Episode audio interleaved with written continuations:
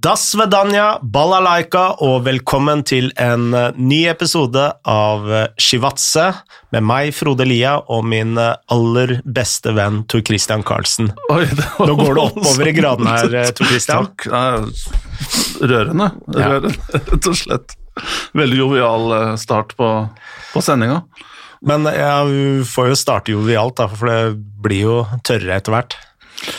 Ja, vi har jo fått inn mye spørsmål, og vi har noen, eh, jeg vil påstå ganske gode samtaleemner her, som har uh, tikka inn.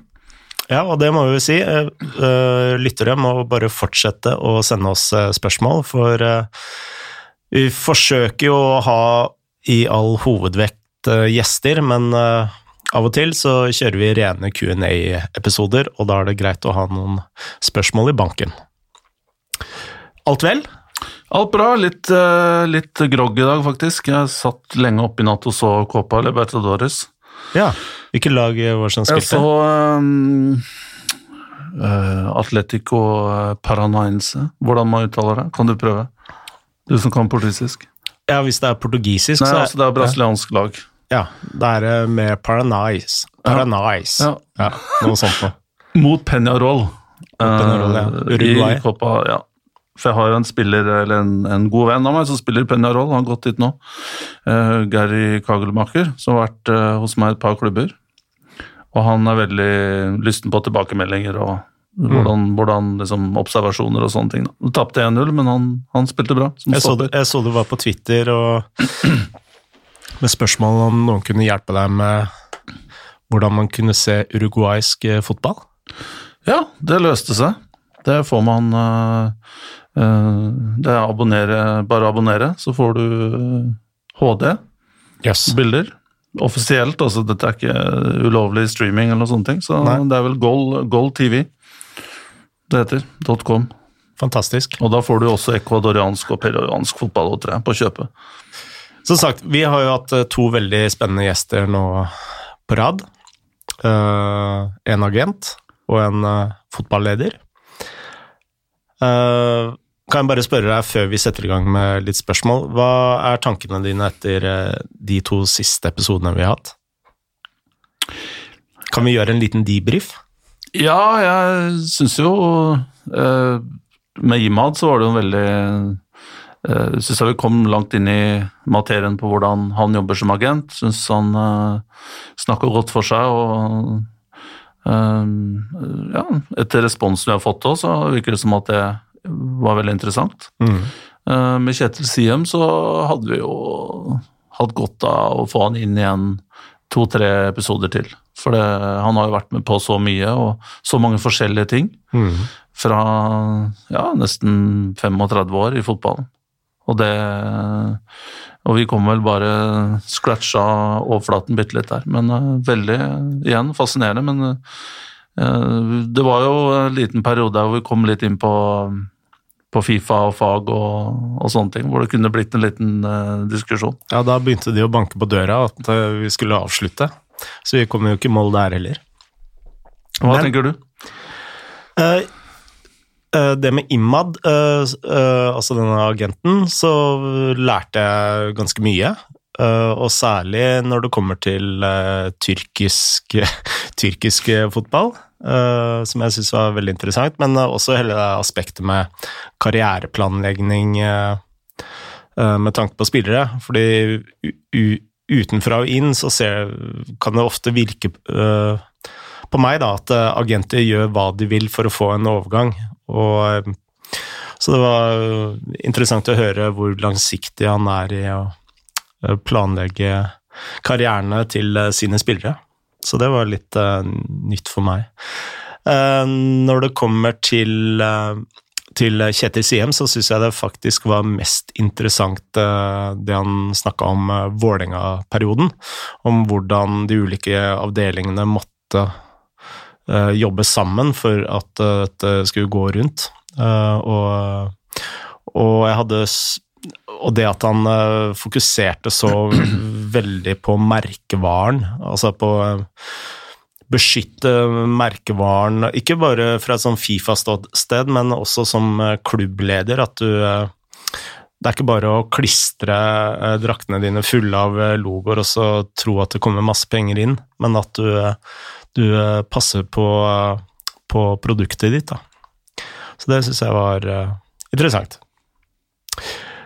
Skal vi sette i gang med litt eh, spørsmål, eh, Tor Christian? La oss gjøre det. Du styrer i hvert fall fra starten her. Ja, og vi kan jo begynne kanskje med det mest aktuelle, fordi eh, den siste uken så har det jo vært veldig mye bråk i tysk fotball. Og da som egentlig starta med et banner uh, hos Borussia Dortmund-fansen, som blei kollektivt uh, avstraffa fra det tyske forbundet, og så i solidaritet så går da Bayern-supporterne ut med et eh, banner hvor de eh, skriver 'Ditmant Hoff, din horesønn'. Para parafrasert. Um, og kampen blir uh, stoppa, og så blir den satt i gang igjen, og så er det et stort baluba med fansen og eh, og eh, Bayern München-ledelsen og Bundesliga-ledelsen og eh, Dietmar Hoff. Men vi har fått et eh, spørsmål fra Andreas eh, Saipiarvi. Saipiavri? Sa jeg det riktig? Eh, Det, må du ikke spørre meg om, men jeg har ikke sett hvordan det skrives. Men eh, sikkert et godt forsøk, i hvert fall. Ja. Men jeg han, tipper Andreas vet hvem vi snakker om. ja. Og han får skyte meg på et senere stadie. Ja, han står jo ikke her nå, så. Han spør skjer jo ting i tysk fotball som kan prates om. Dietmar eh, Hopp osv. 50 pluss 1-regelen som omgås og er under press, samt Carl-Heinz Rummenigge og eh, Bayerns oppførsel mot egne supportere som har satt i gang dette. Kan vi ikke øh, snakke litt Hva dreier Altså, jeg tror de fleste lytterne av denne podkasten vet hva 50 pluss 1-regelen er. Ja, og så vil jeg for så vidt, jeg, vi skal være såpass at vi henviser til våre brødre i Dritte Halbseig-podkasten. Ja. Med tre musketerer der eh, Skrøvseth, Sunne og Slettemark. I den podkasten deres fra i går så forklarer de all detalj akkurat den saken der. Uh, Og det er veldig mye bakgrunn, så istedenfor at vi repeterer det og bruker De brukte vel nesten en time. Mm. Så uh, anbefaler jeg å lytte litt uh, til den. Mm. Uh, og da kan vi spole, sp- spole fram og kanskje snakke litt om hva den regelen er, og, uh, og, og hvordan den stiller seg i forhold til andre modeller, kanskje. Mm. Du har jo jobba i en klubb som måtte forholde seg til den, eh, den regelen. Eh, ja og nei. Okay. Eller nei og nei, mm. egentlig. For det er merkelig nok, jeg har jo vært, uh, hatt kontrakt med to tyske klubber. Den første er Bayer Leverkusen, som har unntak. Mm. Uh, Leverkusen og Wolfsburg. Leverkusen er Bayer-konsernet, Pharma-giganten, og Wolfsburg er jo uh, Volkswagen, som vi vet. Um, og de to, av historie og mange forskjellige ting igjen, dette forklares da, i, i podkasten som jeg refererte til, så har jo de operert som privateid Mm. klubber.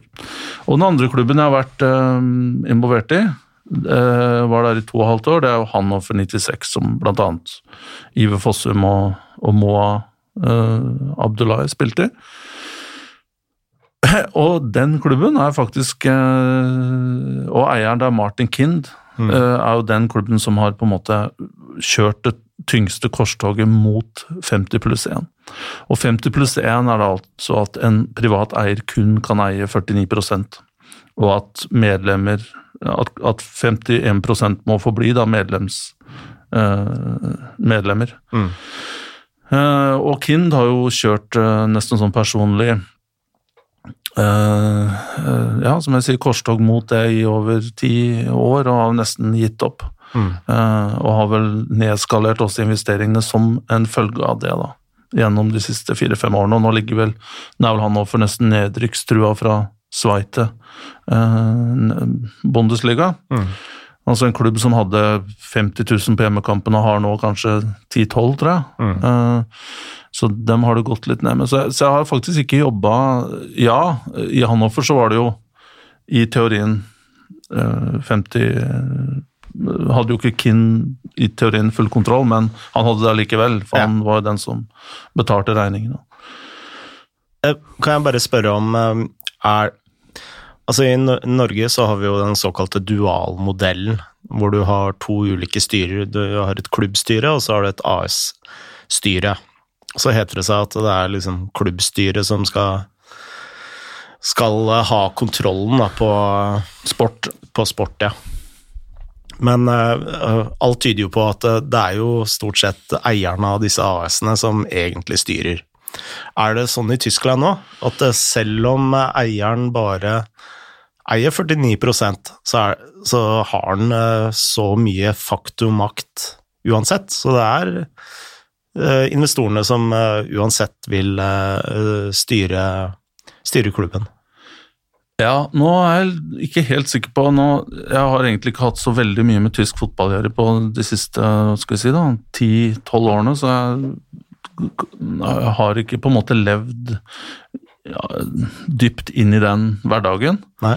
Men uh, det er vel det som er den store utfordringen, at uh, Ja, jeg vet at nå så er det, så er det misnøye blant mange klubber, eller uh, over 50 pluss 1, fordi når det går dårlig og man skal satse, så, så hvor kommer pengene fra, da?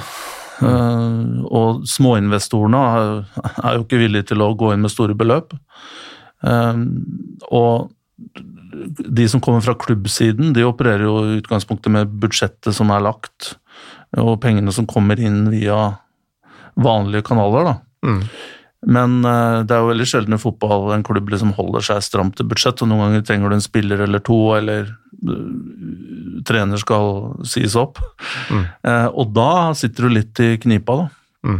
Og det er vel flere klubber, tror jeg nå. Det er vel for, veldig forskjellige omstendigheter til alle disse klubbene.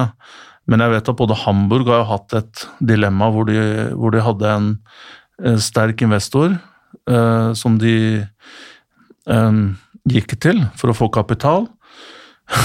og han eh, ble dratt inn da, og ble veldig liksom Han tok styringen over hvem som skulle kjøpes og, og selges, så vidt jeg vet. Mm. Og det har ikke gått bra med Hamburg. Eh, 1860 München hadde vel en eh, eier fra Midtøsten, om det var Syria eller Jordan. Eh, og han var vel eh, holdt på å si, eier da de rykka ned til tredje nivå. Mm. Og Hertha Berlin så er det litt av samme utfordringene, tror jeg. Mm. Så i en, i en fotball som blir mer og mer eh, kapitalkrevende og pengetung, så er det klart at den tyske modellen har sine utfordringer, da.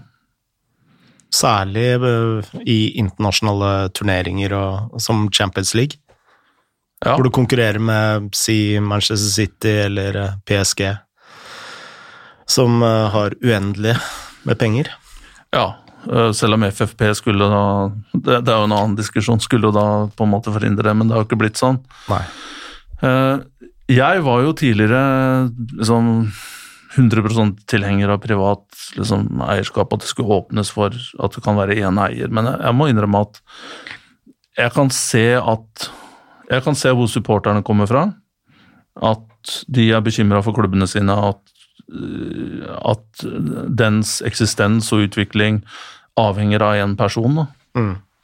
Vi ser jo bare i disse dager altså, hvordan det svinger på markedene og, og børsene, og, og, og folk har altså, Det går utover personers formuer. Mm. Og når formuene liksom, når det peker rødt, rød pil sydover, så er det klart at viljen til å bruke hundrevis av millioner eller titalls millioner på fotball, den minsker, og da får det også konsekvenser for, for klubbene. Mm. Så jeg forstår jo at eh, supporterne er veldig eh, opptatt av at det skal være et trygt fundament og, kontinuitet og, Og at de og faktisk drift. har rettigheter. Ja, det, men det skal, at de har i hvert fall rettigheter til å Til å eh, forvente at klubben skal drives sunt da, og, og ha innflytelse på det. Det syns jeg er forståelig, absolutt. Men baksiden med regelen er vel kanskje at eh, man får eh, veldig få endringer i toppen.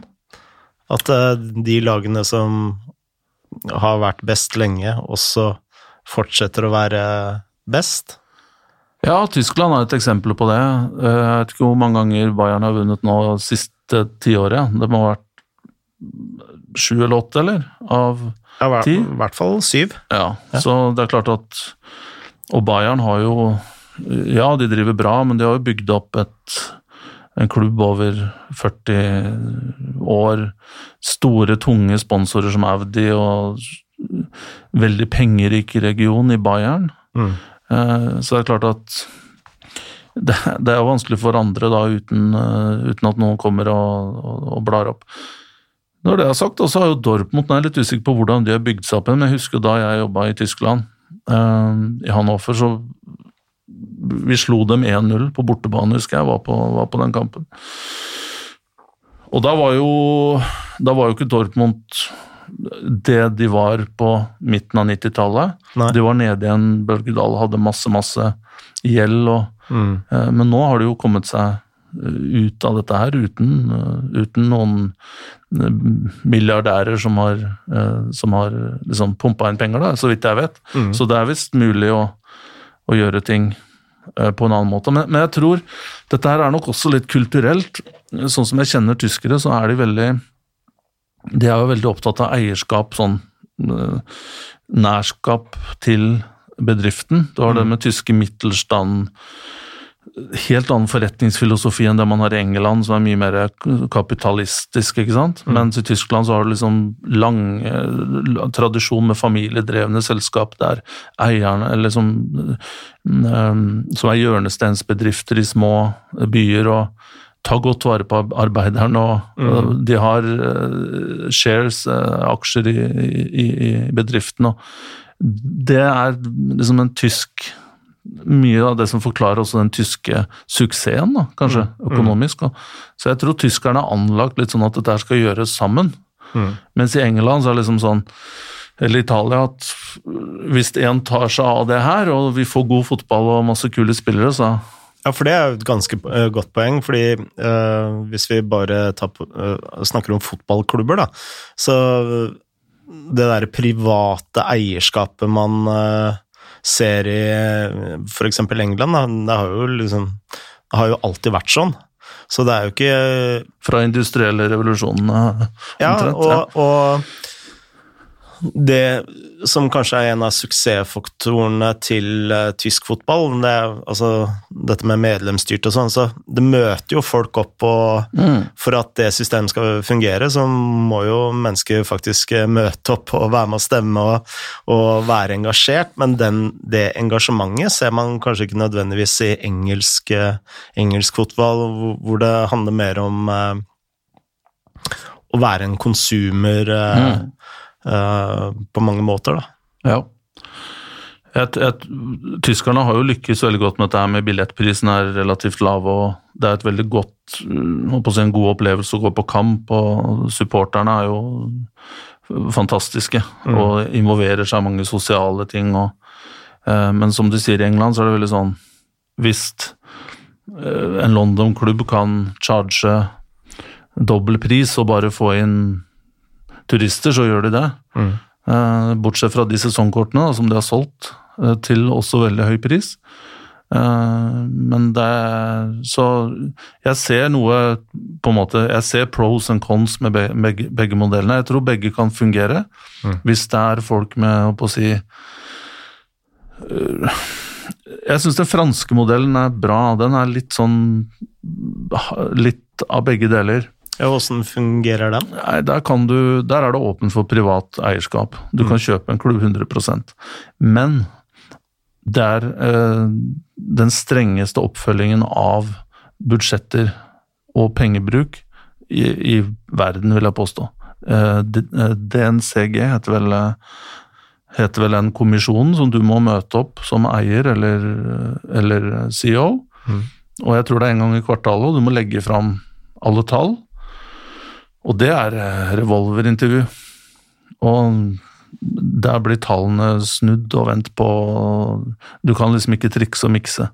Det, og du kommer ikke dit med plusspoeng eh, i boka, sånn som du gjør i England, hvor alle får lov å investere i fotballklubb, uansett hva slags track record. Det har jo Dere laget en podkast om det nå i Fotballfortellinger. Ja. Eh, Hvor du har den fit and proper test, Mm. men den har jo vist deg gang på gang og er, er bare latterlig. Mm. Men eh, jeg tror hvis du har de rette menneskene som har en god plan og har, kan vise at de har kapital og vil stå i dette her i det lange løp, Mm.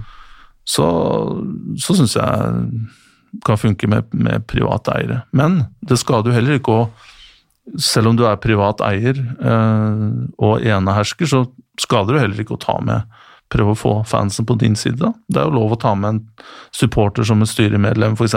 Uten stemmerettighet, men i hvert fall være å observere og inkludere. Jeg tror det er smart, men i England så har det vært en tendens til at man liksom bare setter opp Schengen området, og så må supporterne stå bak gitter gitteret og, og, og gjette hva som skjer. Men én ting man eh, kanskje skal være veldig forsiktig med, det er jo å forklare suksess med systemet. Fordi Ja, eh, til syvende og sist så handler det jo om hvilke mennesker du har på toppen i klubben, og hvilke trenere du har, og, osv. så. Eh, Så man, eh, det er jo ikke sånn at så sant du er under et et visst regime, da, si hvis Norge skulle bytte en eller annen eierstruktur, enten gå til en eh, 100 den engelske modellen med 100% AS, eller 50 pluss 1, så er det ikke nødvendigvis at det ville ha vært eh, tingen for å liksom gjort eh, norsk fotball mye, mye bedre på kort tid. Jeg er helt enig. Eller lang tid, for den saks skyld. Jeg mener det er eksempler på altså Som du sier, systemet er én ting, men måten man implementerer jobber på, tenker, er jo eh, Man kan jo se ishockey Jeg kjenner ikke til så veldig godt, men jeg vet jo at Stavanger er mest suksessrike klubben, og det er vel en som heter Tore Christensen, tror jeg, eller Christiansen Christensen, som på en måte har bygd opp alt det her med, med sine egne ressurser, og Mm. det er jo en suksesshistorie uten like. Og så har du Lørenskog ishockey på andre sida igjen. Ja, ja. Så Men eh, ja, jeg tror alt eh, Det er litt som med demokratiet. da, liksom Grekerne fant jo opp demokratiet, tror jeg. og Det er jo ikke sånn at eh, eh, Ja. Det er jo ikke sånn at det har gjort at de hvor mange hundre år, tusen år, holdt jeg på å si nå Jeg husker ikke helt når dette her ble, ble sikkert noen som kan eh, tweete oss, men det er jo ikke sånn at det har nødvendigvis ført til Ført dem inn i himmelen, eller? Um, men uh, som sagt Jeg tror kanskje det utfordringen her da, for Tyskland, det er nok at, som du var inne på, det er eh, gapet mellom mellom eh, Bayern og de andre. Nå er det litt RB Leipzig er der oppe, og Dortmund har en, liksom, noe på gang, da, men i det lange løp så er det jo Bayern som stort sett RB Leipzig er, er vel mer um, eksempelet som bekrefter regelen, på en måte, for de har jo bevisst unngått den 50 pluss 1-regelen ved å sette den medlems, medlemsprisen så skyhøyt, så ingen andre har mulighet til å bli medlemmer i klubben. Ja, er det kun én person som har uh, Jeg veit ikke hvor mange det er, men det er veldig få. Uh, du kan telle dem på en hånd. Så um, Men eh, akkurat i det tilfellet her så tenker jeg også at um, Som sagt, det er veldig mye kontekst med Dietmar Hopp uh, og, og previous med fights med supporter, og hvordan han har Han virker som veldig nærtagende person også, da. Og har ikke kommunisert dette her så veldig godt opp igjennom. Det er noe som har pågått i mange, mange år. Men jeg tenker jo på en annen side at han har jo tross alt bygd opp uh, Hoffenheim fra en parkeringsplass Mm. til Champions League-klubb, så er det klart at uh, han er vel ikke noe eksempel på en dårlig eier, da. uh, I noen som helst målestokk, nei. Nei. nei. Sånn, han tar jo godt hånd Hvis du er Hoffenheim-fan, Mm. så, så ville jeg jo følt at klubben er i gode hender. Mm. Så hopp Sett bort ifra alt det som har skjedd nå med bannere, og, og han har vært steil i fronter mot andre supportere og sånne ting, kameraer han har satt opp. for å overvåke dem. Så vel, er vel han et eksempel på at det går an å drive bra som privat. da. Ja. Uh, før vi avslutter den sekvensen der, uh, hvor ser du norsk fotball i, uh, i forhold til engelsk og tysk sånn eiestruktur? Altså, bare tenker vi at norsk fotball ligger helt i midten? Det er ideelt sett så Med den modellen, dualmodellen som du sier, hvis det er et godt samspill mellom, mellom klubb og og AS, da. Mm. Uh, så Eller klubb og investorer, så, så kan jo det her funke. Um, men Og hvis du har de riktige menneskene og, som har riktige motiver i, som investorer, mm. og de spiller på lag um, Men det, det, problemene oppstår jo når det går dårlig i fotballklubber. ikke sant? Når, ja. når, det går bra, så er det gjerne ingen som, som, bryr seg så mye om hvem som styrer. Mm. Uh, men når det går dårlig, så er det peker man på det ene og andre. og uh, Utfordringen er jo å få inn kapital utover de menneskene som, som er supportere. Mm. For hvis jeg hadde kommet La oss si at jeg hadde vunnet den derre Euro Millions Eurolotto heter det lotteri, kanskje? Jackpot. Jackpot, ja. Det var vel på en milliard for ikke så mange uker siden. og Hvis jeg hadde vunnet den, og så tenkte jeg nå skal jeg bruke halvparten av dette her på fotball og kjøpe meg en klubb, så, så ville jeg jo ønska én kontroll. På, altså i hvert fall 51 mm. Og så ville jeg jo ønske at assetene som jeg og de verdiene som jeg bringer inn, at ikke de på en måte er tapt til noen andre. Mm. Uh, så da tenker jeg på rettighetene til spillerne. At hvis da en spiller blir solgt som jeg har finansiert, så hadde det vært i hvert fall et poeng for meg å vite at jeg skulle få igjen for den investeringen og kanskje litt til, og så kunne jo resten ha gått til, mm. til uh, klubben. Nå vel, det blir vel det nesten en TPO-greie, det der, da, men hvis det er eier Jeg tror reglementet er sånn at du kan ikke eie enkeltspillere, men du kan eie en hel tropp. Riktig. Uh, der er vel uh, Ja, og her er du investor i klubben, så ja. ja.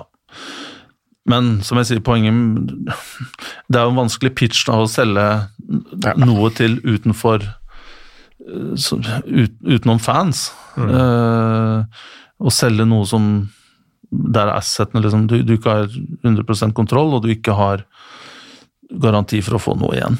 Mm.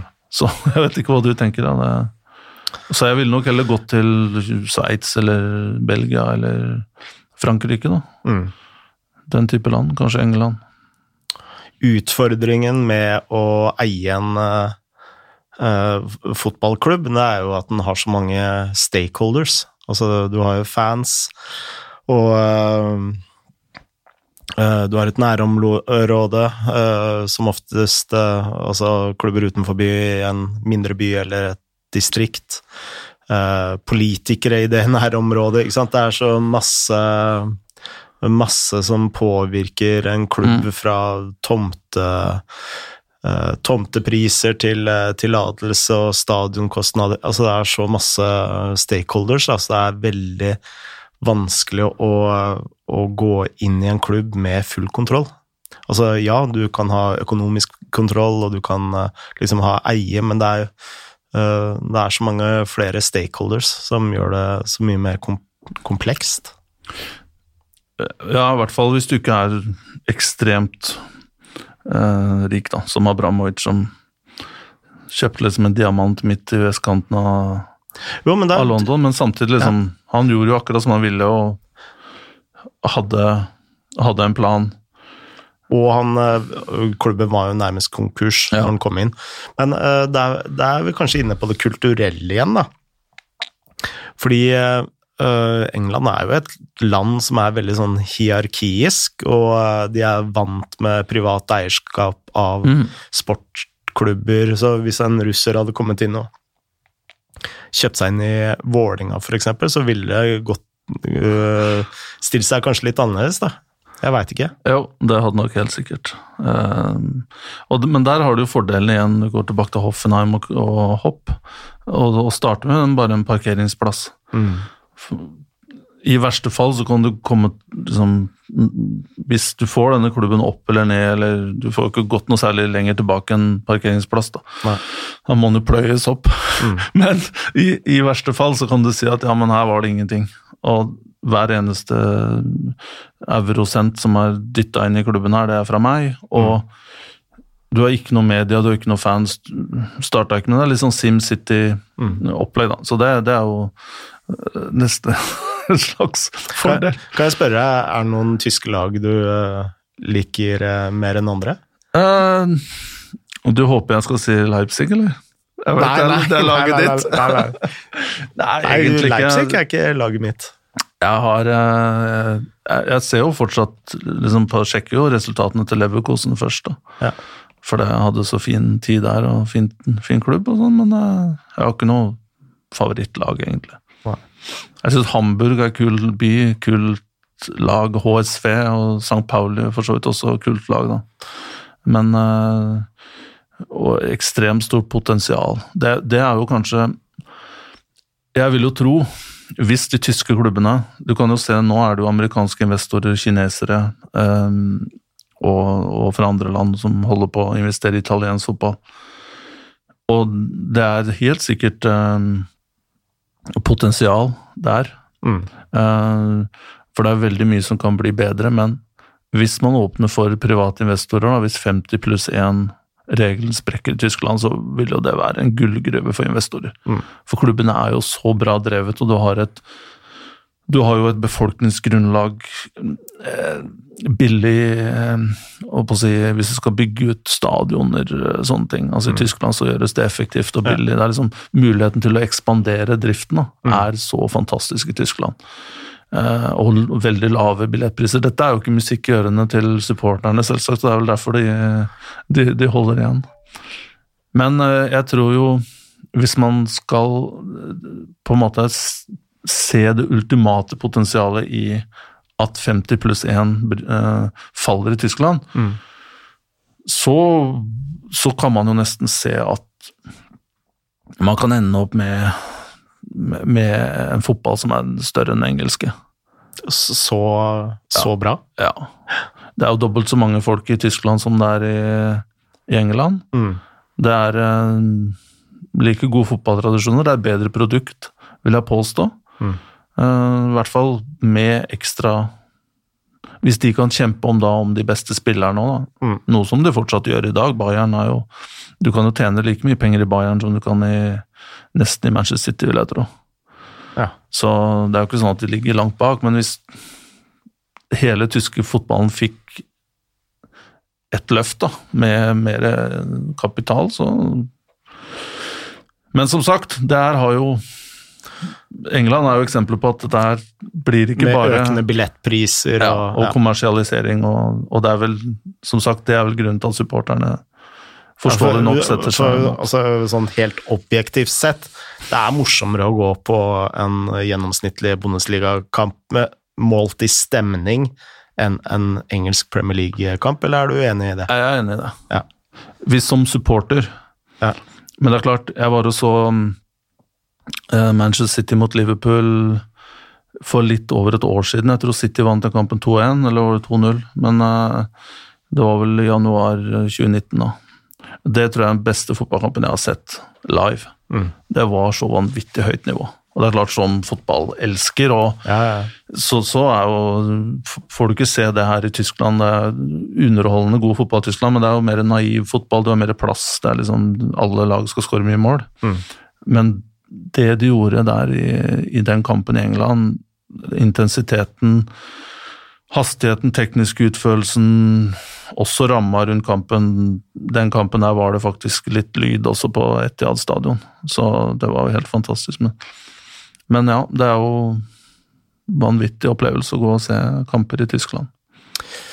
Jeg lurer på om vi skal gå litt videre. Eh, Vi har fått et eh, spørsmål fra Vegard Bjørgo.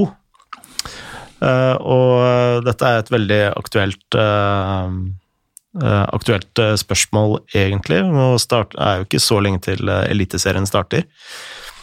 Eh, og han spør om har TK merket noe til at vi ikke har kunstnerskatt i Norge kontra andre land, og hvor hemmende er det i et eh, konkurranseperspektiv med tanke på norske lønninger og beskatning og levekostnader?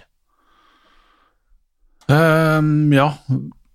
Det her var vel oppe til en slags høring, tror jeg, for noen måneder siden. Mm. Ehm, jeg vet ikke om det var Erik Soler i norsk toppfotball ja, som fronta da casen for å, for å innføre spesielle skatteregler for fotballspillere. Mm. Utenlandske, da. Eh, Det var i hvert fall sånn, jeg er usikker på om det fortsatt eksisterer, men jeg lurer på om det er for kontrakter som er Eh, Jeg lurer på nær ni måneder. Så kan du da Så spiller du for lavere skatt i Norge. Mm. Eller om det er seks måneder. Eh, og da, da er det vel 25, et sted mellom 25 og 30 prosent du ender på. Mm.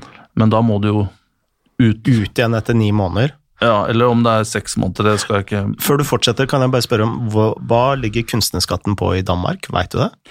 Jeg lurer på om det er 30% Ok, så da er jo 25 Altså i den niårs, nei, nimånedersperioden så er jo 25 konkurransedyktig med en dansk lønn, da. Ja, men øh, forskjellen er jo at i Danmark så kan du signere en fireårskontrakt da, med Ja. til 30 skatt. Mm. Uh, mens i Norge så får du aldri omsatt den spilleren Du kan ikke kjøpe en brasilianer som er 18 år, og så, så gi han kunstnerlønn, og så selge den. Nei. For det, hvis du har da en kontrakt som er over, over den perioden, så må du jo betale skatt for eh, Og det har jo tilbakevirkende effekt òg. Oh, ja. Så hvis, han, hvis du forlenger kontrakten, så må du jo da kompensere for den. Så hvis han eh, skriver en forlengelse, så må han betale for de foregående ni månedene. Ja. Ja. Og da er det jo klubben naturligvis som, som må ta det. Mm. Som en del av de forhandlingene. Ja. Eh, jeg, tror, jeg tror kanskje det hadde, hadde noe å si um, for en, noen år tilbake. Eksempel da Stabæk eh, vant sånn Når var det? 2008? ja. Um, og da hadde de jo spillere der som Pontus Farnerud, de hadde Summen Choi? Ja, men jeg tror ikke han var liksom lønnsledende, da, men de hadde jo spillere som har vært ute i store klubber. Uh, de hadde vel en Mats Jørgensen, jeg er usikker på om han kanskje tjente så mye, men, flere norske spillere henta, eh, klubber henta jo spillere på det tidspunktet som man liksom tenkte wow, ender han her oppe i Norge? Mm. istedenfor Sverige eller Danmark. Um, I dag så er det jo håpløst. Punkt én uh, Norske krone er så svak. Nå er den på 10,2, Mm. tror jeg, til euro, og 9,2 til dollar. Uh, og da euroen ble introdusert, så tror jeg den lå på rundt 8 kroner.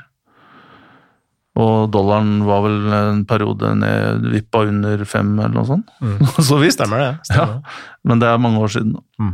Men de kostnadene du da har fått ekstra, samtidig som lønnsnivået utenfor Norge i fotball har eksplodert Jeg snakka om det før, eh, og det er en grunn til at vi mister spillere til Ungarn og Kypros og, Mm. og, og andre divisjoner her og der.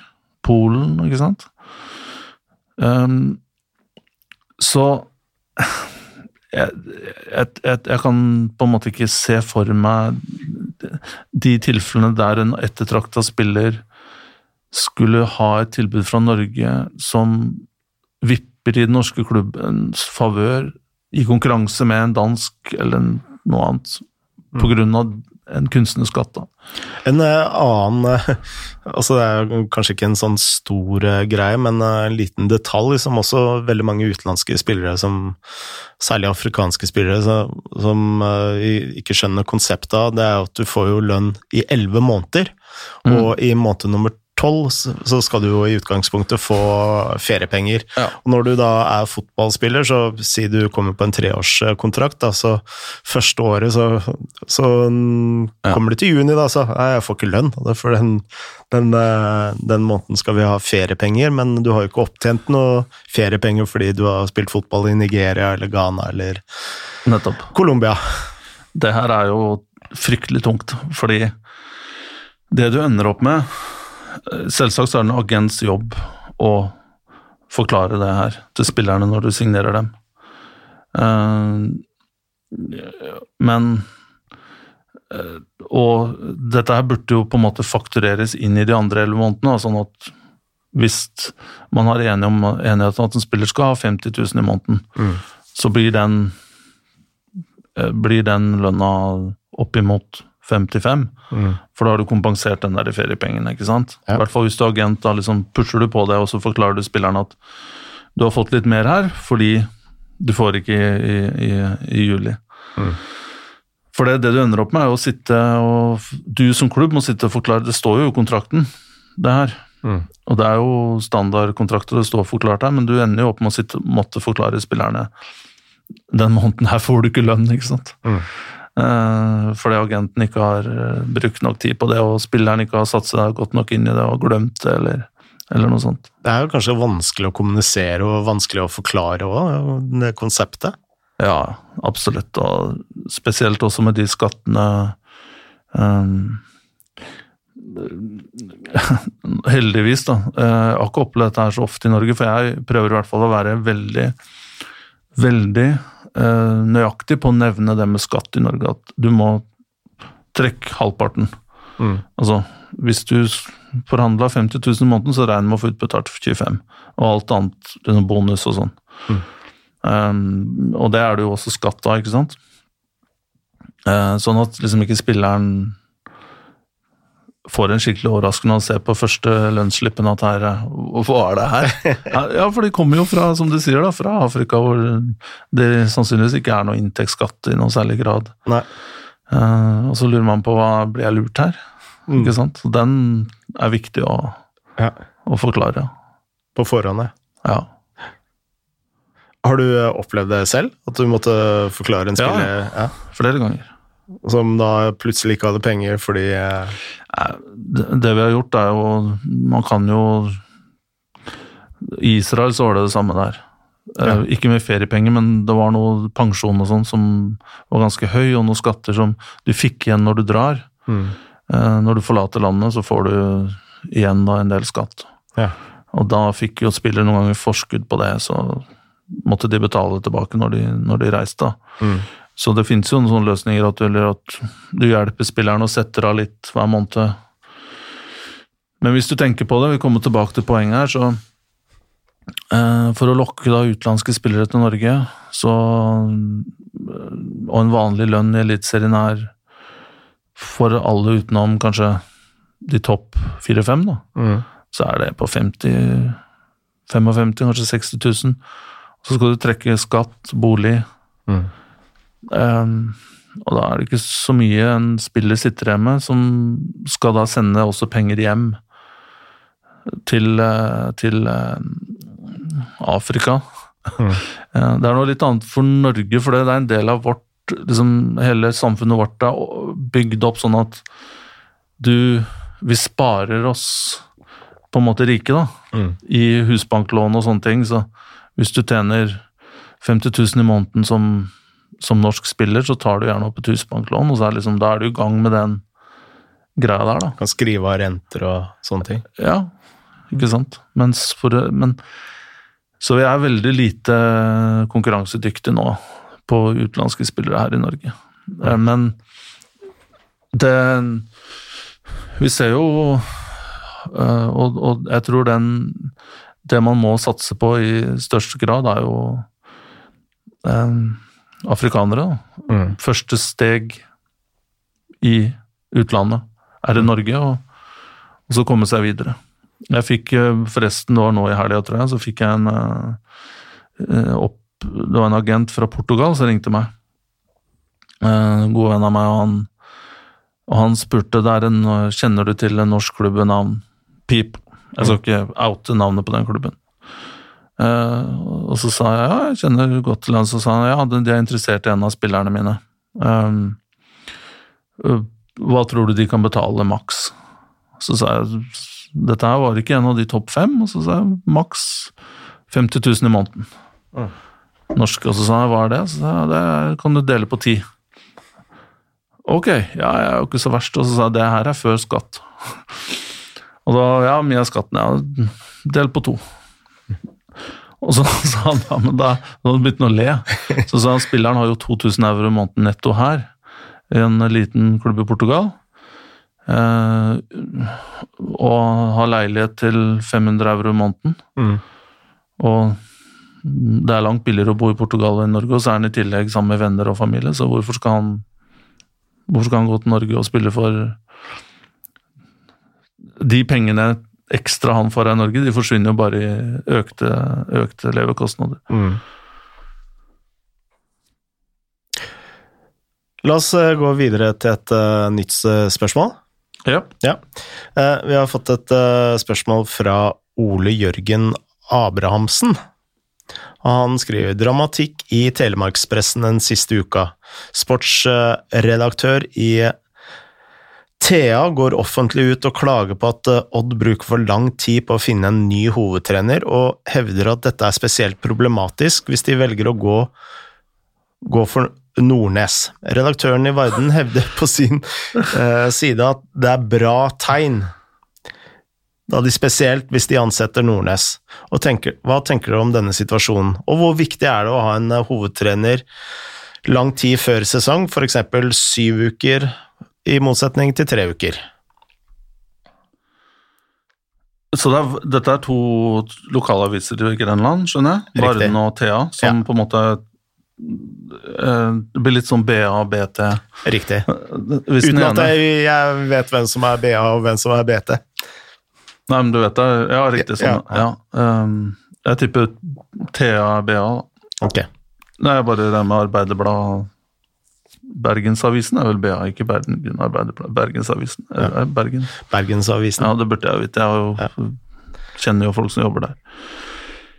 Eh, har du noe hva, hva tenker du om det her?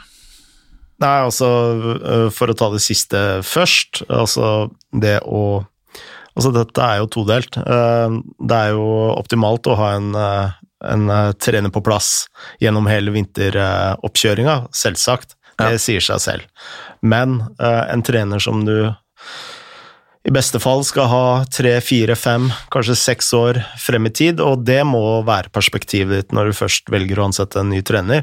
Det er jo det tidsperspektivet. I hvert fall tre år, vil jeg uh, mene. Da gjør du jo en ordentlig prosess. Og uh, det er jo ikke sånn altså Når vinteroppkjøringene har starta, det er jo ikke så mange trenere som er aktuell på det nivået som er ledig, fordi de fleste er jo tatt.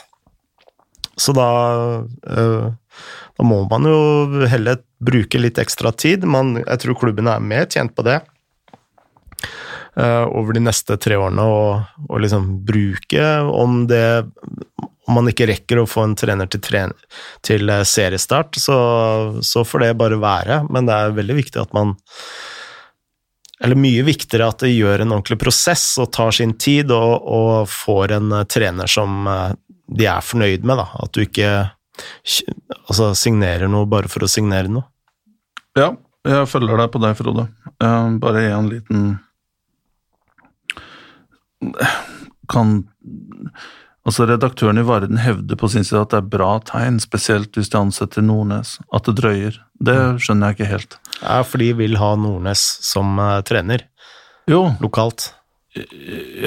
jo, jo. Det er jo så. Men jeg tenker jo at eh, Nei, jeg tror ikke det er det han mener. Jeg tror han mener at det er bra at prosessen drøyer, spesielt hvis de ansetter Nordnes. Det hvis jeg tolker det riktig? Ja. Det forstår jeg ikke helt, fordi eh, Nordnes har jo vært assistenten til Dag Eilif Fa- Fagermo i mange år. Mm. Spilt i Odd, husker han veldig godt. Mm. Er vel mest sannsynlig lokal også. eh, Man kan jo si at ja, prosessen Hvis det er så at det, parallelt så pågår det intervjuer med andre kandidater, så er jeg med på det. Mm. Og så lander man på at nei, ingen av de her er bedre enn Nordnes. Eh, og da på en måte Ja Syns jeg ikke det er et bra eller dårlig tegn, det er egentlig bare at du har kjørt en prosess, da. Mm. Men hvis de på en måte ikke er sikre på, på Nordnes, Mm. eh, så er det jo ikke et godt tegn. Eh, Fordi han burde de jo kjenne ut og inn, og Absolutt. det skulle ikke forundre meg om han spiller 4-3-3 òg.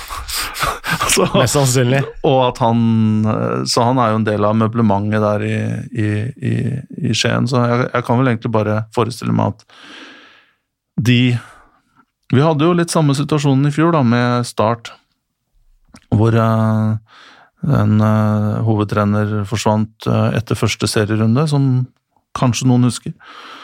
Og så ble vel uh, Hardarson uh, bekrefta godt i fellesferien. Mm.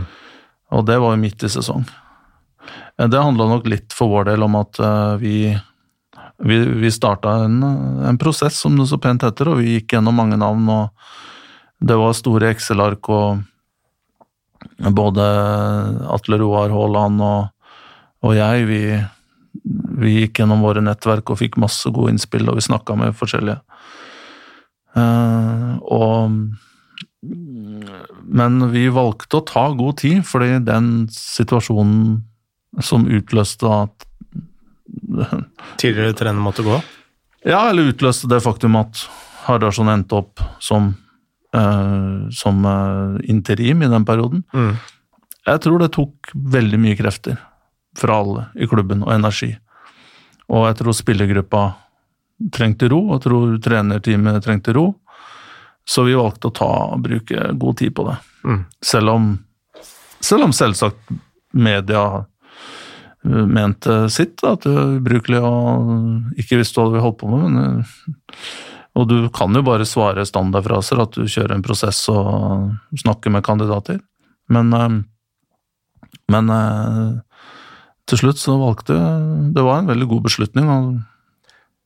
Ja, for parallelt mellom, eh, med at dere hadde den eh, prosessen, så begynte jo Start å spille bedre og bedre fotball. Altså Du så også en eh, fin utvikling på banen. Hvor mye spilte det inn i rollen?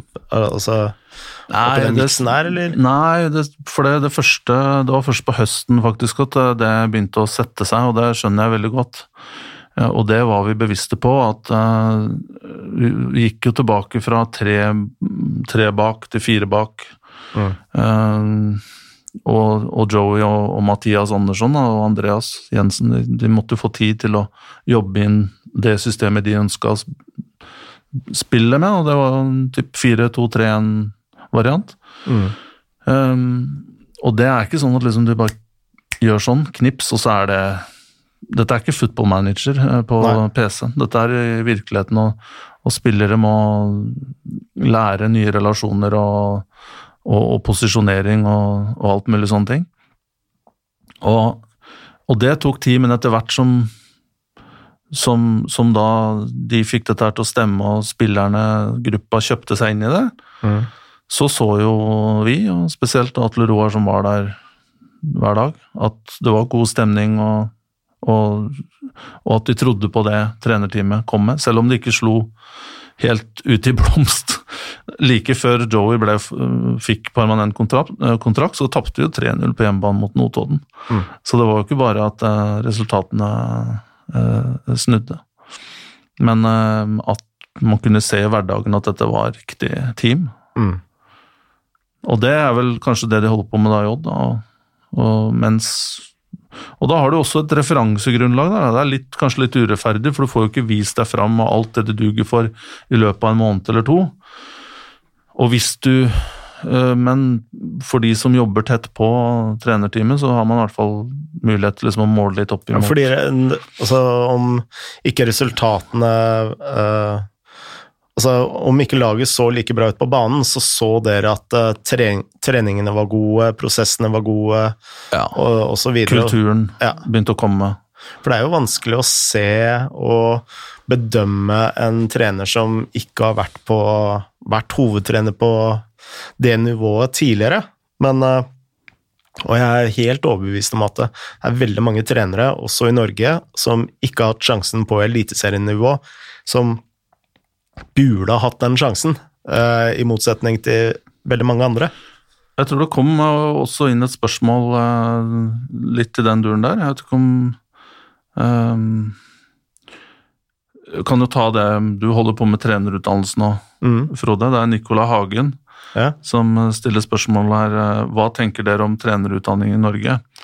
Hva er vi gode på? Hva ligger vi bak på? Har du noe inntrykk av det ut fra de, den erfaringen du har, og de du har snakka med, og, og kurs du har vært på, seminarer og sånne ting? Ja, jeg tror at um, Altså, man må jo først se hva de kursene uh, til fotballforbundet er mynta på, da. Altså når du begynner på et sånn grasrottrenerkurs, så er det jo for, for at du skal kunne trene barn. Uh, så hvis du kommer dit uh, og, og uh, har lyst til å lære deg 4-3-3, eller altså fotball som spilles på høyt nivå, så er jo ikke det et bra trenerkurs. Men, men for å trene barn, så er det jo kjempebra. Men uh, som alle andre kurs, så er det jo veldig avhengig av hvilken uh, kursholder du har, og hvilken innstilling du selv har til å være på det kurset. For det er, kursene, særlig de som er i regi av Norges Fotballforbund, er jo veldig sånn Det blir hva du gjør det litt til selv. Ja. Eh, Så det blir litt for enkelt å si at eh, man har gode kurs i Norge og dårlig i Tyskland, eller motsatt, da. Mm -hmm. Så det er jo veldig hva man gjør det til selv. Og jeg veit ikke om du har sett den, eh, den eh, Netflix-dokumentaren om eh, trenerkurset i Tyskland, som heter Das Trainer. Nei. Og da husker jeg, når den filmen gikk på Netflix, så var det veldig mye sånn skriverier på, på, på sosiale medier om at ja, altså, vi må se, se til Tyskland, vi må lære mer og sånn. Og særlig når man har instruktører da, som instruk instruerer trenerne til å være mer tydelige på treningsfelt og, og sånt, men det er jo det er jo sånn trenerutdanningen også fungerer i Norge. Hvis du begynner på et grasrottrenerkurs, så får du oppgave til å sette opp øvelser, du skal instruere barn, og så kommer en instruktør og forteller deg at nå er du kanskje litt tydelig, nei, utydelig, Eh, nå trener du ikke på det du skal, kanskje du bør justere den øvelsen. Altså, du får sånne tilbakemeldinger eh, eh, eh, på norske trenerkurs òg, så jeg tror ikke at det, trenerkursene er så, i hvert fall når vi snakker om Europa, da, at de er så ulike egentlig. Men der den store forskjellen er, da, det er hvis du f.eks. drar til Spania, da, så har du eh, plutselig en, eh, en trener som er helt Eller en foredragsholder da, som er helt i verdenstoppen. Ja. Som har eh, Som jobber på fotball på et, med fotball på et helt annet nivå, som har enda mer input å gi. Eh, Så det er vel den store, store forskjellen. Jeg har jo jeg, jeg har ikke vært på, på de trenerkursene, eh, men jeg har jo snakka med trenere som har kommet tilbake fra seminarer og sånn, og virker veldig fornøyde her i Norge. Og det er vel en grunn til at dette Uefa og Fifa Pro, og det er jo, de følger vel å si, formater som kommer fra Dette er jo ganske standardisert Ja. med tanke på moduler og, og, og metodikk. Og jeg har jo inntrykk av at både NTF og NFF og disse hanker jo inn dyktige folk hvert år, i hvert fall i Fifa Pro. og Cupfinaleseminaret syns jeg Jeg har til gode faktisk å, å, å være der, men jeg har jo sett jeg har jo sett programmet Mm. mange ganger, og det ser jo meget spennende ut. Jeg har vært invitert noen ganger uten at jeg har klart å fått eh, stilt, men jeg syns jo de gjør en utrolig god jobb med å sette det sammen, og der får man jo også eh, mye inspirasjon fra utlandet. Og i, og i Fifa Pro så er det vel en del av disse seminarene som også er i utlandet. Så. Absolutt, og Ja. det er jo ikke sånn at uh, vi lever på en uh, tue og, og liksom ikke tar inn impulser uh, utenfra. Altså, det er ikke lenge siden jeg møtte Dag Eilif Fagmo, og han har liksom har vært på besøk hos Bielsa, ikke sant? han har vært overalt, og veldig ofte når jeg møter trenere, så har det jo vært, vært rundt omkring. Mm. Eh, men eh, tilbake til det jeg begynte med også. Altså, det er veldig avhengig av at eh, du som trener da, er villig til å gjøre noe ut av de kursene du går på.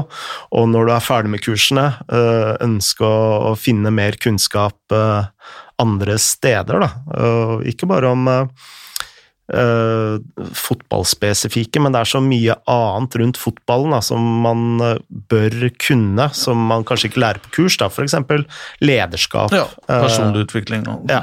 nede den biten. Og jeg tror de aller, aller beste trenerne som er i toppfotballen over lengre tid, uh, er veldig flinke på akkurat de tingene der. Da. Og når de ser at de ikke behersker noe, så får de inn ekspertise som øh, Og til å få tilbakemeldinger og riktig. Ja. Jeg kjenner jo Jeg har jo hørt om eh, noen eh, Ikke bare store navn, men det er jo Dette er jo også CEO, eh, liksom businessleder og sånn, som gjerne har en coach som skygger deg hele tiden, Mm. for å se hvordan du fremstår og, og, og rapportere til deg. da. Mm. Være et speil eh, og høre hva du er flink og hva du ikke er så dyktig på. Det er jo knallhardt å sitte og høre på og få en rapport liksom side etter side, og der gjorde du det, og der burde du sagt det, og du er litt kald i de situasjonene, og du burde ikke ha det kroppsspråket. Liksom. Dette er jo skikkelig tung materiale å få servert, men det er jo Veldig nødvendig. ja, det er jo Og du må nesten bryte deg selv ned for å bygge deg sjøl opp igjen. Da, til å bli den Ikke på sånn uh, NLP eh, Det er det Neuro-linguistic programming som er så populært blant engelske trenere. Ja. Brendan Rogers har vel holdt på med det, og Steve McLaren og jeg, jeg falt litt av hvem som hang med den bølgen der. Mm. Men jeg syns NLP, det kan du jo lese dere opp hvis dere ikke vet hva det er. For meg så fremstår det litt sånn falskt at eh, Litt sånn selgeraktig. eh, At du skal på en måte trene deg opp til å eh, manipulere, om du vil, da. Mm. ikke manipulere, men Men som sagt, hvis dere ikke vet hva neurolinguistic programming, så google det, og så ta gjerne se noen YouTube. Altså, Jeg har i hvert fall De menneskene som jeg synes fremstår som gode ledere, Mm. og, og som virkelig har kapra meg Mm. og fått meg til å høre, det er i hvert fall de som fremstår som autentiske. Mm. naturlige. NLP syns jeg er litt sånn bullshit-aktig. Mm. At du må liksom trene opp de ferdighetene der. Og, og NLP blir vel også brukt til salg, og, og det er litt sånn religiøst element der som jeg ikke syns er så bra. Men Men det, det vi kan eh, si eh, sånn konkret, hva som er litt sånn ulikt, da, det er jo at eh, i Norge og veldig mange andre land så begynner man med den praktiske biten, og så bygger man teoretisk mer og mer oppover i liksom, kurshierarkiet. da. Mens i Italia så er det jo helt annerledes. Der begynner du med teorien, og eh, så bygger du på med eh, praksis etter hvert. da. Ja, før du får lov å Ja. ta på deg treningsdrakta, så må Ja. du kunne en del grunnleggende. Og Italia er vel et av de aller første uh, landa som starta med trenerutdanning, faktisk. Ja. Så um, de har vært eh, De var tidlig ute. Det leder eh, oss til et annet eh, spørsmål som kom her. Mm. litt sånn Det lå bitte litt eh, kritikk Det er faktisk to ganske like spørsmål. Det er et fra en som kaller seg Sabiluten. Sabiluten. Eh, kanskje det betyr noe Game of Thrones eller noe sånt som jeg ikke har hengt med på. Så dere må bare le hvis ikke jeg tar den referansen her. Mm. Men han spør da, eller hun, kan det godt være en kvinne dette her, hvordan kan det ha seg at et land som Italia, som har såpass god struktur på det fotballfaglige, har sakket akterut, både med klubb og landslag det siste tiåret i forhold til tiåret før det. Og det er et veldig lignende spørsmål fra Jørgen Gressvik, kanskje det er han som, uh, som skjuler seg bak dette rare nikket her. TK skryter stadig av Italias trenere. Det er litt uh, shots fired der. Mm. Og sportsdirektører osv. som blant de aller beste. Kan dere diskutere litt anførselstegn, hvor det har gått galt? Uh, ettersom Italia sliter med å hevde seg sportslig sett i Europa, både med klubb og landslag. Ja, skal jeg Jeg kan bare sette et, et stikkord. Penger. Ja, jeg har nok noe, men spørsmålet er jo legitimt. Mm. Uh, og uh, italienerne, de er jo like ivrig til å stille spørsmål som alle andre. Mm. Jeg tror jeg vil uh, Jeg tror jeg vil si politikk. At italiensk fotball er ekstremt politisk. Ja. Og at både på, på forbundsnivå uh, liganivå. For du uh, mener ikke sånn partipolitiske nå uh, Nei, det er jo noen elementer av sånn som nord mot sør, at det er noe der med dommere favoriserer ja, okay, ja. lag fra nord uh, osv., men det, det, er vel ikke noe belegg for. Men kanskje lenger. Men at fotballen er veldig politisk i Italia, at det er veldig ja, det er vanskelig å utvikle fotballen. Jeg har snakka litt om det før. Stadioner tar tiår å få tillatelse, og så tar det nye tiår for, for å få det på plass. Mm. Eh, det er jo noe som hemmer. Og de stadionene som står i dag, mange av dem er skall som står fra 1990-VM, ikke sant. Det er ikke noen gode opplevelser. Um, igjen, politikken, uh, fordeling av penger, er jo ikke så rettferdig som den er i eh, Er det litt mer sånn spansk modell, ja. eller? Ja. Og det er jo storklubbene som sitter igjen med mest av, av pengene. Eh, ikke i England, hvor de har en mye mer fair fordeling mm. fra TV-rettighetene. Og så skal det også sies at Italia, hvis dere har vært der i en lengre periode, eh, er jo et ekstremt fascinerende land. Det er jo liksom Ting går jo ikke så smurt som det gjør i andre land. Eksempel i Det er ikke så godt organisert og disiplinert. Skattepenger betales ikke så punktlig, samles ikke inn så punktlig som i Tyskland eller Nord-Europa, hvor liksom du har mønsterbedriftene. Mm. Det er et veldig veldig komplisert land hvor, mye, hvor det er mye rot. Mm. og korrupsjon, det skal sies. Eh, og det er eh, klubber som er på randen av konkurs hele tida, og, og, klubber som har gått konkurs, som har liksom måttet starte på nytt. og mm. vet du, Napoli og Fiorentina og, og, og med flere da, har jo vært en tur ned i tredje nivå.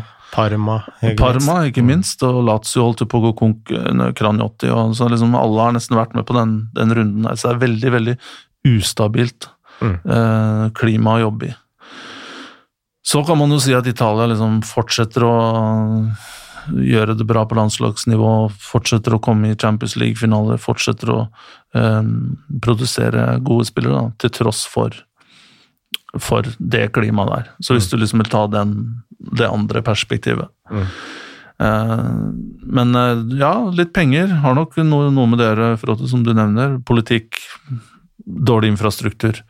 Eh, kronglete å komme seg til kamp. Liksom. Det er liksom det, Ting, tog, busser går ikke som det skal. Liksom, i andre, Hvis det er Tyskland, liksom, så har du jo til og med i Dortmund Hvis du kommer fra eh, kommer, kommer, fra andre små byer rundt, så, jo, så, så har, jo, har, du togbilletten og mm.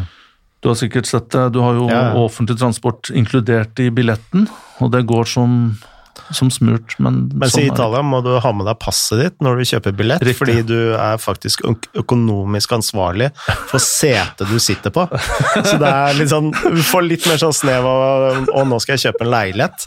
Eh, ikke bare gå og, og se, på, uh, se, på, fotball. det er et meget godt poeng. Og, det, og, og supporteruroa har holdt mange folk vekk fra mye huliganisme og sånne ting. Ja. Men i, i Altså, når vi snakker om eh, penger og sånn, så Altså de enorme pengene som kom inn i Premier League på tidlig 90-tallet, og de ultrarike eierne som kom inn i Premier League, det er jo også et moment her, da. Absolutt. Ja, og at eh, Premier League gikk fra å være en engelsk liga til en global liga. Ja. Og der, gjorde, eh, der har jo også italienske trenere og, og, og, og sportsdirektører, ikke minst, gjort seg gjeldende. Helt riktig. Og nesten vært avgjørende for den gode utviklingen England har hatt. Ja. Så man kan jo ikke altså, Der er jo Premier League har jo blitt en sånn uh, roter jeg med ord her, men uh, altså De claimer jo litt uh, ære i den karusellen her, syns jeg. Ja, absolutt. Og, men nå var det noe skudd som var fyrt mot meg. Nå er det skudd som er fyrt mot deg, Frode. Ja, det tror jeg må bli det siste spørsmålet i dag. Ja, men det jo, da tar vi det. Så du får Jeg også får litt skudd i baugen? Det var vel det med Altså, ett her fra Ingebrigt Skollerud. Skollerud. Uh, han sier Du har jo for så vidt svart på det, men du kan jo sette deg til veggs igjen. da. Det er bare moro, det. Liten kommentar til Frode. Med all den kunnskapen du har om Qatar, eieren i fotballen, Fifa og Uefa, hvorfor argumenterte du ikke sterkere mot Siem da han snakket så varmt om de organisasjonene? Men du har svart på det. Du har banka på døra, og det var liksom ikke tid for å ta den debatten da med Siem. Men det er et lignende spørsmål der, så vi skal ta det. Det er Adidas-manden uh, her som spør hvorfor er det så stille om Qatar-VM. Hvor mye blod på hendene skal Fifa ha før organiserte innen fotballen, altså ledere, trenere, spillere, forbund, ta bladet fra munnen? Mm.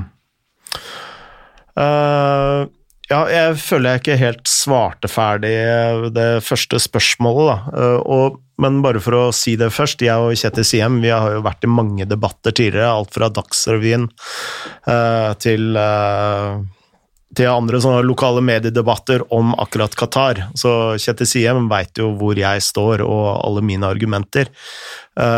Men til spørsmålet, ja, jeg burde kanskje stilt han mer til veggs. Men um, det jeg syns er litt sånn delikat med det å lage podkast, og særlig den rollen jeg har i podkasten, som en slags uh, ordstyrer, uh, så så syns jeg jeg tenker at når vi inviterer gjester til uh, vår podkast, så skal de få lov til å, å snakke ut. Ja. Uh, og jeg er oppriktig interessert i å høre hva Kjetil Siem har å si, og hva han mener. Uh, og ikke alltid avbryte for å komme med mine egne meninger, og han, han, er jo veldig flink til å gi noen sånne små, små skulder, skulder i magehøyde, mest til meg, kanskje litt til deg òg. Og det tenker jeg det skal han få lov til, for jeg har jo avfyrt så mange kanoner til Kjetil Siem opp igjennom. At han får lov til å ta igjen litt, det, det skal han få lov til. Absolutt. Så det var litt av den vurderingen jeg gjorde da, i tillegg til at man begynte å banke på døra om at nå måtte vi bli ferdig. Men når det kommer til Qatar Hvorfor det er så stille om akkurat det, det veit jeg ikke. Jeg syns det er veldig rart at det er så veldig stille om det. Jeg syns det er veldig rart at det er så få medier som problematiserer hva som har skjedd med Qatar og Abu Dhabi, ikke minst, opp igjennom. Uh, jeg tror det handler om at de sakene som handler om Fifa og Uefa, altså de får veldig lite traction mm -hmm. hos mediene. Altså det er det som uh, folk leser minst, er minst opptatt av. Og da blir det også vanskeligere for mediene å liksom rettferdiggjøre og, av å, å, skrive om det, da. Men jeg hadde jo en uh, liten diskusjon med TV 2, for eksempel, når de ansatte en ny sportskommentator. om eh, kvalifikasjonene hennes da, til å til å mene noe om de store idrettsorganisasjonene når hun fikk en stilling for Gro Hammerseng, er dette gjelder, fikk en stilling hvor man skulle kommentere idrettspolitikk, da. Fordi det er jo et utrolig komplekst eh, tema. Eh, man vet jo at eh, Qatar f.eks. bruker enorme ressurser. De har Alistair Campbell som sin spinndoktor til Ja. å Det som heter playe media. Og media går, går fem på. Så Alistair Campbell, tidligere Tony Blair, Blairs spinndoktor, jobber nå for Qatar. Jeg har gjort det lenge, eh, som har vært ansvarlig for kommunikasjonen til eh, Qatar. Mm. Abu Dhabi gjør mye av det samme. eh, fordi altså, det er jo der ordet sportsvasking kommer inn i bildet.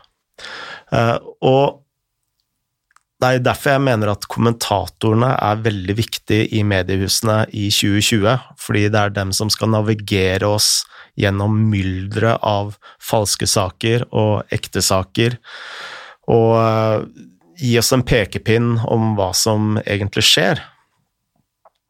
Og da, for å kunne eh, kommentere relativt sannferdig, da, så må du kunne veldig mye om det temaet, og i dette tilfellet idrettspolitikk, Qatar, eh, Abu Dhabi osv. Uh, Men er det ikke dette noe man kan lese seg opp til og på en måte komme inn i? jeg tror at eh, det er man kan lese opp om det, men eh, altså, det er så masse agendaer, og det er så masse spill i kulissene som er uh, eh, for, Bare et lite eksempel, da, eh, som jeg ikke vet om stemmer eller ikke, men når eh, Abu Dhabi blir da dømt eh, til to års ut... Eller Manchester City, beklager, blir dømt til to års utestengelse fra Champions League. Uka etter så blir eh, presidenten for PSG, som også sitter i eksekutivkomiteen til Uefa, også eh, tiltalt av sveitsiske myndigheter. Eh, hvorfor akkurat da, tenker jeg da. Det er ikke sikkert det er noe galt i det, men eh, det, det For meg så virker det som et sånt spill mot spill. Mm. Eh, Abu Dhabi og Qatar er jo i sterk konflikt.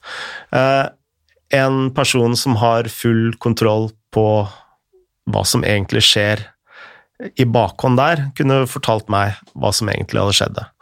Uh, og det er litt det jeg etterlyser, da. At uh, flere putter litt Og i TV 2s tilfelle, altså en mediebedrift som får 700 millioner norske skattekroner i støtte for bl.a. å bedrive eh, journalistikk, eh, også da innenfor eh, sport, burde eh, satt av Og eh, det er ikke bare TV 2, NRK ikke minst, som har enda mer penger eh, til å bedrive eh, den type journalistikk, burde vært enda mer på, på den ballen. Da.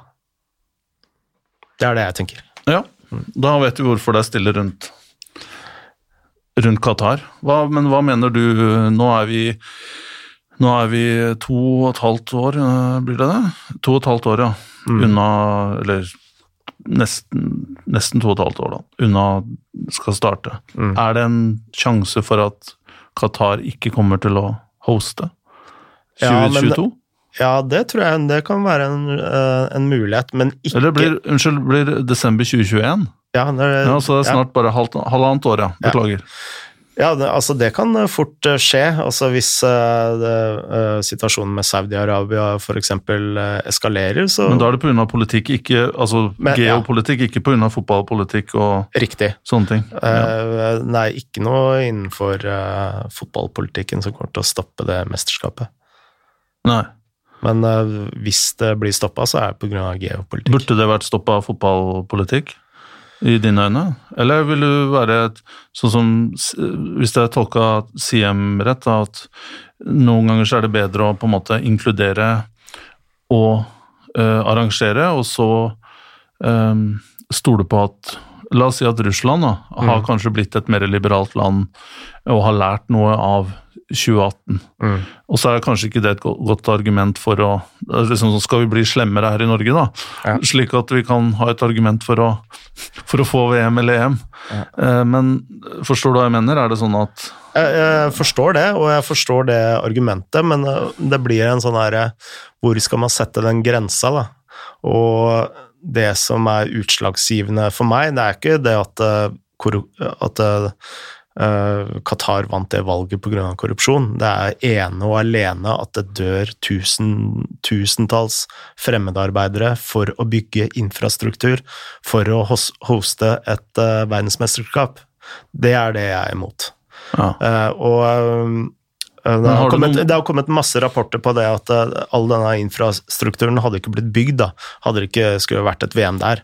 Eh, så satt eh, spissformulert, eller det er jo ikke spissformulert heller, altså vi kommer til å spille et VM på en gravplass full av fremmedarbeidere, og det syns ikke jeg det gir meg Jeg kommer ikke til å se det, se det VM-et. Det er helt uaktuelt. Nei, eh, men øh, nå må du si fra når det er nok her. Eh, Mm. men eh, jeg bare stiller spørsmål som kanskje andre syns kan være relevante. Da. Men ville du hatt, ville du hatt motforestilling mot f.eks. at eh, Kina hadde fotball-VM? Eh, de holder jo på med sine ting. eh, ikke verdens mest demokratiske land, Tyrkia, som liksom blir mer og mer eh, ja, diktatorisk og sånn, er er det Men det, er, det faktum at det ikke er åpent og demokratisk, er ikke nødvendigvis et argument for å ikke vinne en pr prosess, eller? Ja, altså øh, I mine øyne så øh, Så vil jeg jo helst at øh, øh, At, at, øh, at et øh, så stort mesterskap skal foregå i demokratiske land. Men øh, der liksom grensa går for, øh, for meg, da, det er liksom når man betaler et mesterskap med menneskeliv eh, og i et så stort antall som man gjør i Qatar. Og det er eh, Altså, det døde mennesker eh, av bygging av infrastruktur til OL i Beijing også, men eh, hvis det er forskjell på 18 og 4000. Men de Kina-tallene får vi kanskje aldri Nei. uh, bekrefta, eller? Men Og så blir det litt sånn eh, Det spørsmålet du stiller meg nå, da, det er sånn spørsmål jeg har blitt spurt veldig mange ganger når jeg kommer i debatt. Og det er sånn Hvor skal man sette grensen? Altså, det veit jeg ikke. Det veit jeg ikke. Jeg bare veit at eh, at Qatar, er for- Qatar er langt over grensa. ja. Og uh, fotballmesterskap uh, og OL har jo uh, vært i diktaturer i all tid, om det har vært i Argentina eller Hitlers Tyskland, men de antallet menneskelivene livene som går tapt i Qatar, det er langt over streken. Men nå er alle, er alt, alle anleggene komplette nå, eller er det fortsatt alt Holdt på å si det er i hvert fall ikke langt unna, ja, de, men øh, de var jo veldig på etterskudd, så øh, Så de har jo øh, virkelig måttet jobbe på for å liksom ta igjen etterslepet. Og mye kom jo også på plass uh, uh, på det siste friidretts-VM-et VM-et. som var nå for litt siden. Så Yes, nå øh, Jeg lurer på om vi må avslutte, tror Christian. Ja, det er du som er timekeeper her. Eh, Kanskje du kan si eh, Nå ble jeg helt eh, ferdigsnakka, jeg. Så kanskje du må si ha det, ha det denne gangen. Jeg får bare si takk til dere som lytta. Ehm, Så skal vi prøve å få med en gjest eh, kanskje igjen i løpet av de neste, mm, neste ukene. Hvis ikke så fortsetter vi kanskje med den lista med spørsmål her, og med mange veldig gode spørsmål. Vi begynte veldig jovialt, men det gikk jo bare nedover. Ja, nei, det var For de som har hengt med, så eh, lover vi å komme tilbake eh, med en litt annen, eh, annen tone neste gang. Ha det bra. Moderne media.